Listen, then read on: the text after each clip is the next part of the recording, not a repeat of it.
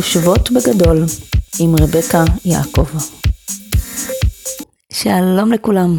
בפודקאסט היום אנחנו נדבר על איך להכין את העסק לקראת שנת 2021. שנת 2020 הייתה שנה מטורפת לחלוטין. היא הכריחה אותנו לשנות את כל מה שידענו ולהתחיל לבנות דברים מחדש. אם זה ברמה העסקית, אם זה ברמה הרגשית, אם זה ברמה הנפשית. נאלצנו להתמודד עם המון דברים שלא ידענו עליהם קודם, ובעיקר להעביר את העסק לעולמות הדיגיטל, לתת לו חיים חדשים, צורה חדשה, לצאת מהגבולות של מה שהכרנו, ולבנות גבולות חדשים, צורות חדשות, ובעיקר לצאת מאזור הנוחות שלנו. אז אם חשבנו ששנת 2020 היא הייתה שנה מוזרה, אז השנים שיבואו אחריה הם לא יהיו פחות מוזרות, משום שאנחנו הולכים לבנות עולם חדש, אם אפשר לקרוא לזה ככה, ולהסתמך הרבה יותר על הדיגיטל, ובעיקר מבחינה עסקית. נכון, המעבר לדיגיטל הוא היה מהלך לא פשוט עבור הרבה מאוד מהעסקים. נאלצנו להתמודד עם דברים שלא הכרנו קודם, בעיקר בעשיית עסקים מול האנשים, מול הלקוחות שלנו. אם התרגלנו עד עכשיו לדבר איתם פנים מול פנים, בן אדם נכנס אלינו לחנות, או אנחנו מדברים איתו בטלפון, אנחנו יכולים לשמוע אותו, אנחנו יכולים לדעת מה הוא רוצה. כשהעברנו את הכל לדיגיטל, פתאום המדיום הזה נהיה שונה. הוא סוג של מדיום שהוא קר ומנוכר משום שאנחנו לא באמת רואים את הבן אדם שעומד מולנו. ולכן זה יצר איזשהו אתגר מאוד גדול, בעיקר בחשיבה שלנו. פתאום להתחיל לדבר עם אנשים דרך הזום, זה היה דבר שלא נתפס. אבל אם תסתכלו אחורה, גם 20 שנה אחורה, אנשים תקשרו עם כל העולם דרך סקייפ, דרך אמצעים אחרים שהיו קיימים. זה לא דבר שהוא שונה וחריג, פשוט הוא הגיע לנו ביתר שאת, פתאום נאלצנו ללמוד דרך הזום, נאלצנו לדבר עם הבני משפחה שלנו דרך הזום. ולכן זה היה נראה לנו שינוי של אה, משהו נורא נורא דרמטי בחיים שלנו ובצורה שאנחנו הולכים לעשות עסקים מהיום והלאה. החדשות הטובות הן שאת השינוי הגדול כבר עברנו. עכשיו אנחנו רק צריכים להתחיל ולבנות את העולם הזה בצורה אחרת ושונה, בהתאם למה שנכון. זאת אומרת, כרגע אנחנו מתחילים לבנות את העסק שלנו על בסיס כל המעבר שביצענו כבר ב-2020. אז מה הולך לקרות לנו בשנת 2021 ואילך? אני לא הולכת להקריא עתידות כרגע, אני רוצה לתת לכם פרספקטיבה רחבה יותר על כל השינויים שמתרחשים, כדי שתדעו איך להכין את העסק שלכם וגם את עצמכם נכון יותר לשנת 2021 ואילך. שהשינויים האלה הם כאן להישאר. היתרון הגדול בדיגיטל, אם תסתכלו עליו, הוא היכולת שלכם להגיע לכל פינה בעולם. באמת, זה לא שיש לכם חנות עכשיו באמצע רחוב דיזינגוף ורק מי שעובר שם ואולי מי שגר בשכונה ואיזה תיירים אה, מקומיים שעברו שם במקרה יכולים להגיע. יש לכם עכשיו חנות או אתר או נוכחות כלשהי בדיגיטל שיכולה להיות פתוחה לכל העולם. גם לחורים נידחים שעד היום לא חשבתם בכלל שהם אפשריים. דיגיטל חלחל לכל מקום, וזה אחד היתרונות הכי גדולים של השינוי שקרה.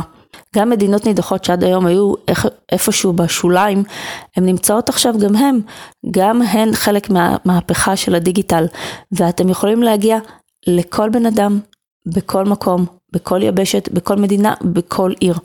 אז רק תחשבו על הפוטנציאל הענק שנפתח בפניכם. אתם לא חייבים להגיע אך ורק לקהל המצומצם הקטן שנמצא סביבכם. נפתחו בפניכם דלתות עצומות לכל העולם. להגיע למקומות הרבה יותר רחוקים ממה שאי פעם חשבתם.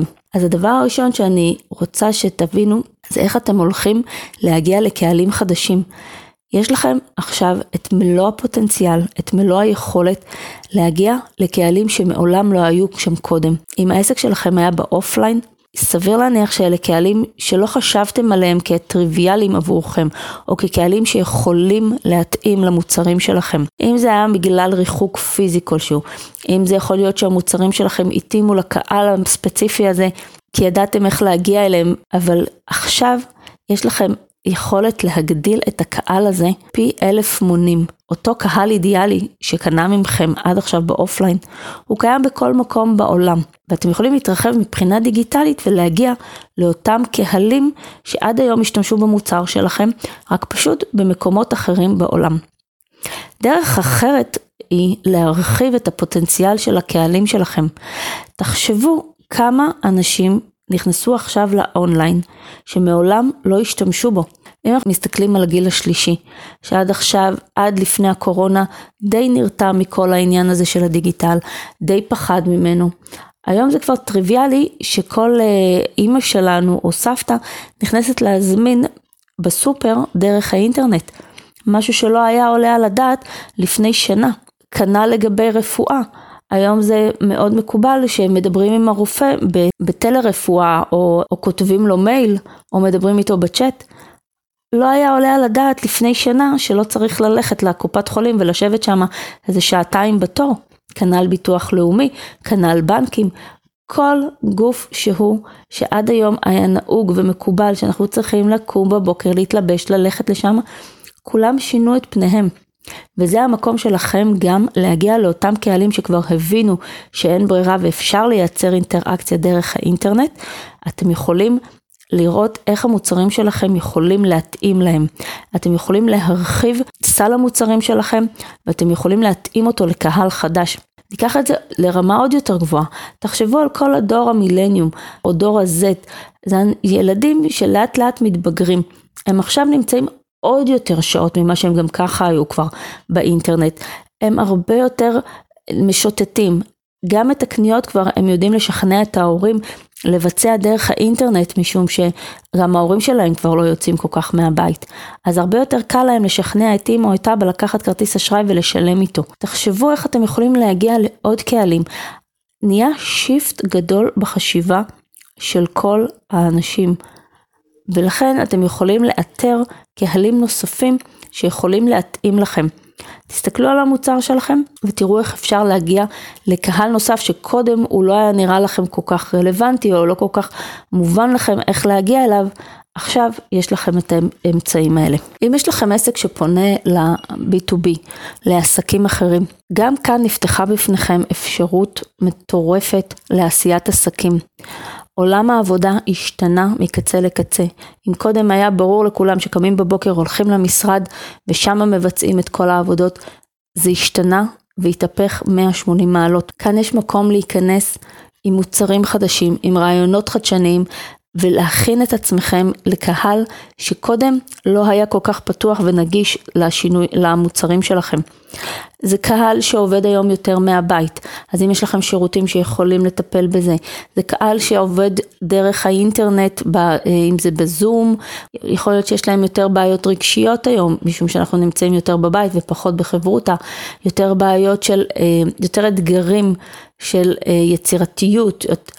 אם יש לכם מוצרים שיכולים לגעת בקהל הזה, לאו דווקא ברמה של נתינת השירותים, איך לתת לעובדים את הנחמה שהם צריכים והם זקוקים לה כרגע, אם זה באימון מנהלים, אם זה בהכשרת עובדים, שירותים אחרים שהם יותר רגשיים לעובדים. כל ימי הכיף נעלמו, כל הגיבושונים נעלמו. זה הדרך שלכם עכשיו להציע ולבוא עם רעיונות, פתרונות יצירתיים איך לעשות את זה כשזה בחיים של האונליין, איך לגבש את העובדים, איך עדיין לשמר הוואי חברתי גם כשכל אחד נמצא בבית שלו. נושא נוסף שכדאי מאוד מאוד לשים לב אליו בשנים הקרובות, פשטות. עולם הדיגיטל הולך לעבר פשטות. ככל שהדברים יהיו יותר פשוטים וקלים עבור הגולשים, ככה הם יבואו אליכם יותר בהמוניהם. העולם הדיגיטלי הולך ומשתכלל כל הזמן, ובעיקר דור המילניום, שנורא אוהב שהכל נורא קל והכל נורא פשוט והכל נורא כיפי. הם אוהבים את הכל צ'יק צ'אק וכמה שיותר חווייתי. אה, יש להם אפס סובלנות לדברים שהם לוקחים זמן ומעיקים, ואם אנחנו נבקש מהם יותר מדי פעולות לבצע, הם פשוט ביי ביי וימשיכו הלאה. כנ"ל דרך אגב הדור השלישי, שהוא אצלו זה הפוך, אין לו סבלנות כי הם כבר אנשים מבוגרים. אז ככל שאנחנו נקל עליהם את התהליך, ככה הם יישארו יותר זמן במדיות שלנו, בנכסים הדיגיטליים שלנו. וככה יש לנו סיכוי גם להמיר אותם להיות הלקוחות שלנו בסופו של דבר. שימו לב לאיזה גיל אתם פונים, לאיזה סוג של קהלים אתם פונים.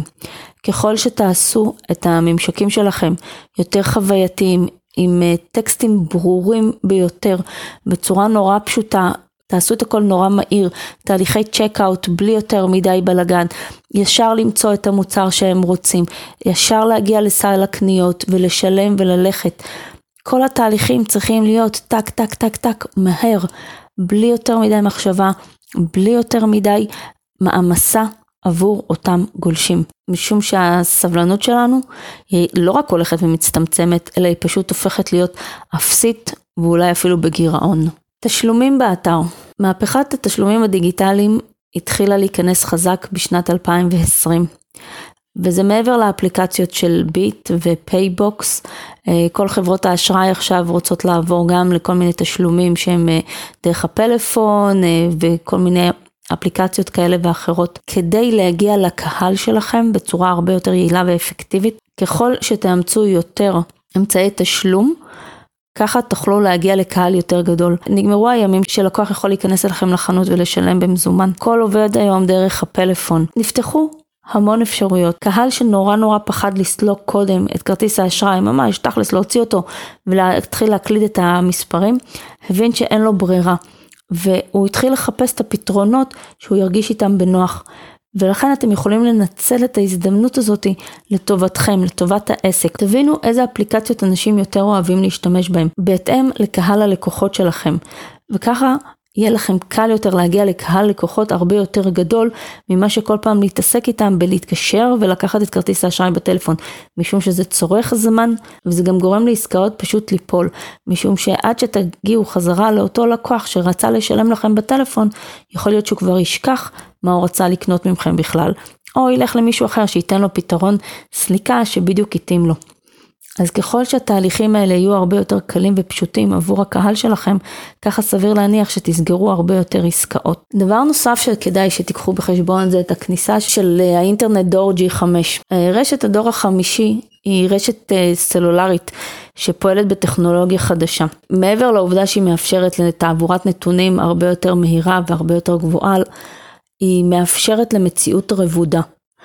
והפלאפונים מן הסתם יותאמו גם לאותה מציאות רבודה, זה אומר שנוכל להסתכל בתלת מימד דרך המכשיר הסלולרי שלנו. ולמה אני מספרת לכם את זה בכלל? כי תיקחו את זה בחשבון גם אם זה לא יקרה בחצי שנה הקרובה, בשנתיים שלוש בוודאות זה ייכנס לישראל וזה ישנה את חוקי המשחק שוב. אז תיקחו את זה בחשבון כבר עכשיו כשאתם מכינים, אם זה פרסומות, זה ישנה את כל עולם הפרסום. אם זה את האתר שלכם, אה, המוצרים, מן הסתם גם הם יצולמו ואז הגולש יוכל להסתכל בתלת מימד על המוצר מכל הכיוונים, ממש כאילו הוא עומד בחנות ומסובב את המוצר ורואה איך זה.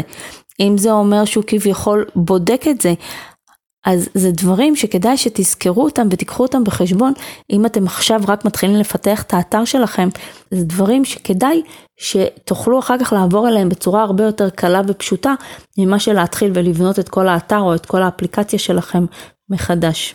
אמינות, זה השלב להיות כנים עם הלקוחות שלכם. משום שאתם לא רואים אותם, הרבה יותר קל לנו לשכוח שאנחנו בעצם מדברים עם בני אדם בסופו של דבר בצד השני של המחשב שלנו או הפלאפון. אבל אם אנחנו לא נשדר אמינות, זה אומר שאנחנו נרשום משהו אחד, ואז הגולש יגיע לצ'קאוט. ופתאום אנחנו נעמיס עליו עוד דברים, כמו אה, דמי אריזה, או דמי משלוח, או דברים שלא היו ברורים לו מלכתחילה, אתם עלולים לעצבן אותו והוא יצא. כשהדברים יהיו ברורים מלכתחילה, זה אומר בלי אותיות קטנות, לתת את התחושה שהכל ידוע והכל ברור, וכל התהליך עובר בקלות.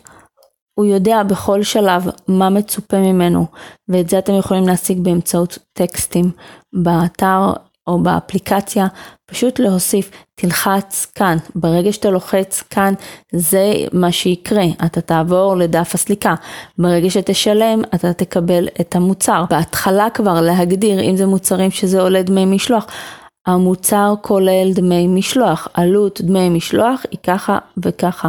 לא לתת את העזים, מה שנקרא, בסוף. אז רמת האמינות שלנו היא פשוט תלך ותרד.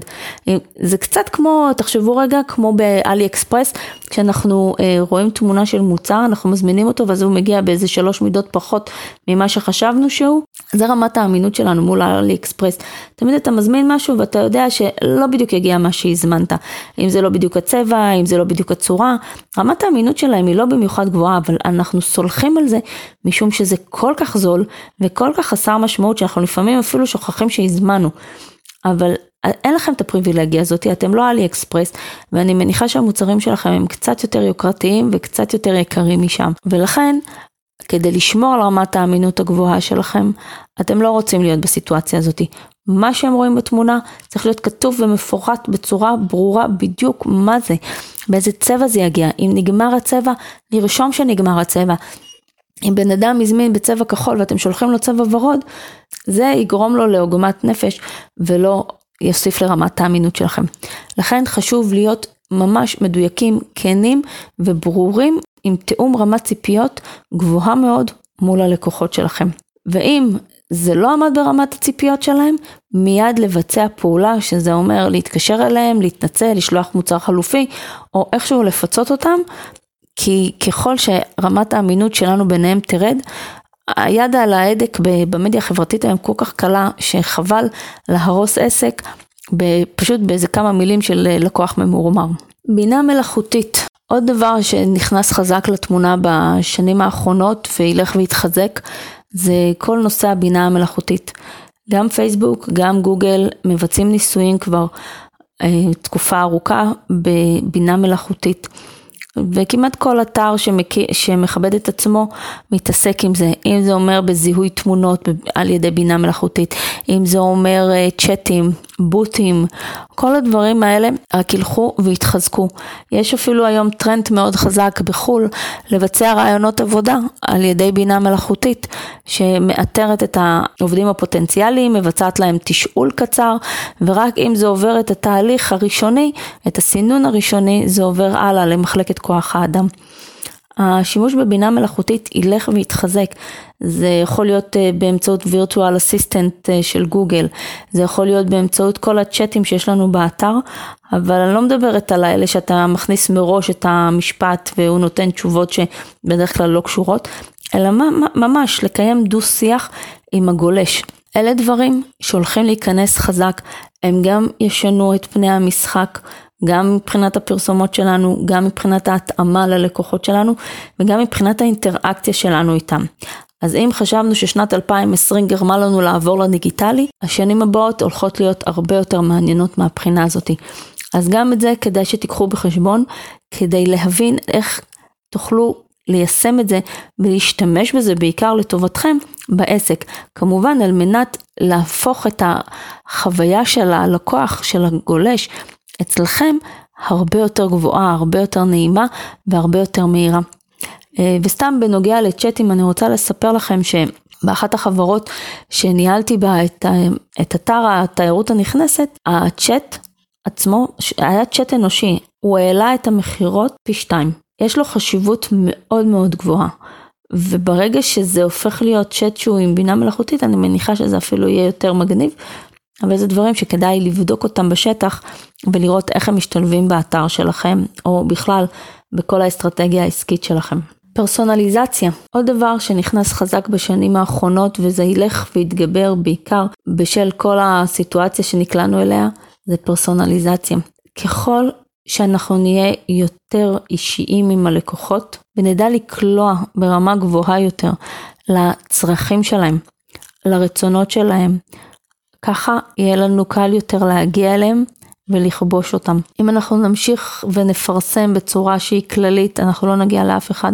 כמויות הדאטה שיש לנו והולכות ומצטברות על הצרכים שלהם, על הדרך שלקוחות מגיעים אלינו, על הדרך שגולש עובר, על הצורת חשיבה שלהם, על איך הם פועלים, איך הם עוברים מנקודה לנקודה, אלה כמויות דאטה עצומות שאנחנו נצטרך ללמוד ולנתח אותם, כדי להבין איך להגיע ברמה כמה שיותר אישית לכל אחד ואחד מהגולשים. רמת הפרסונליזציה תאפשר לנו ליצור קשר הרבה יותר איכותי, ברמה הרבה יותר אישית, הרבה יותר עמוקה, ולגרום ללקוחות גם להיות לקוחות שחוזרים אלינו שוב ושוב, משום שאנחנו הצלחנו לקלוע אליהם, הצלחנו לדבר איתם באותה שפה שהם מבינים ובשפה שהם מרגישים בה בנוח ושייכים אליה.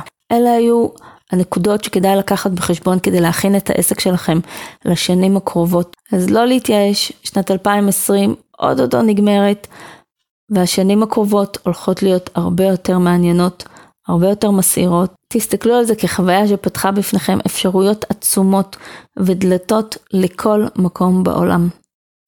אז בנימה אופטימית זו אני מאחלת לכם שנת 2021 מאושרת, שמחה, קלה ובלי קורונה. להשתמע.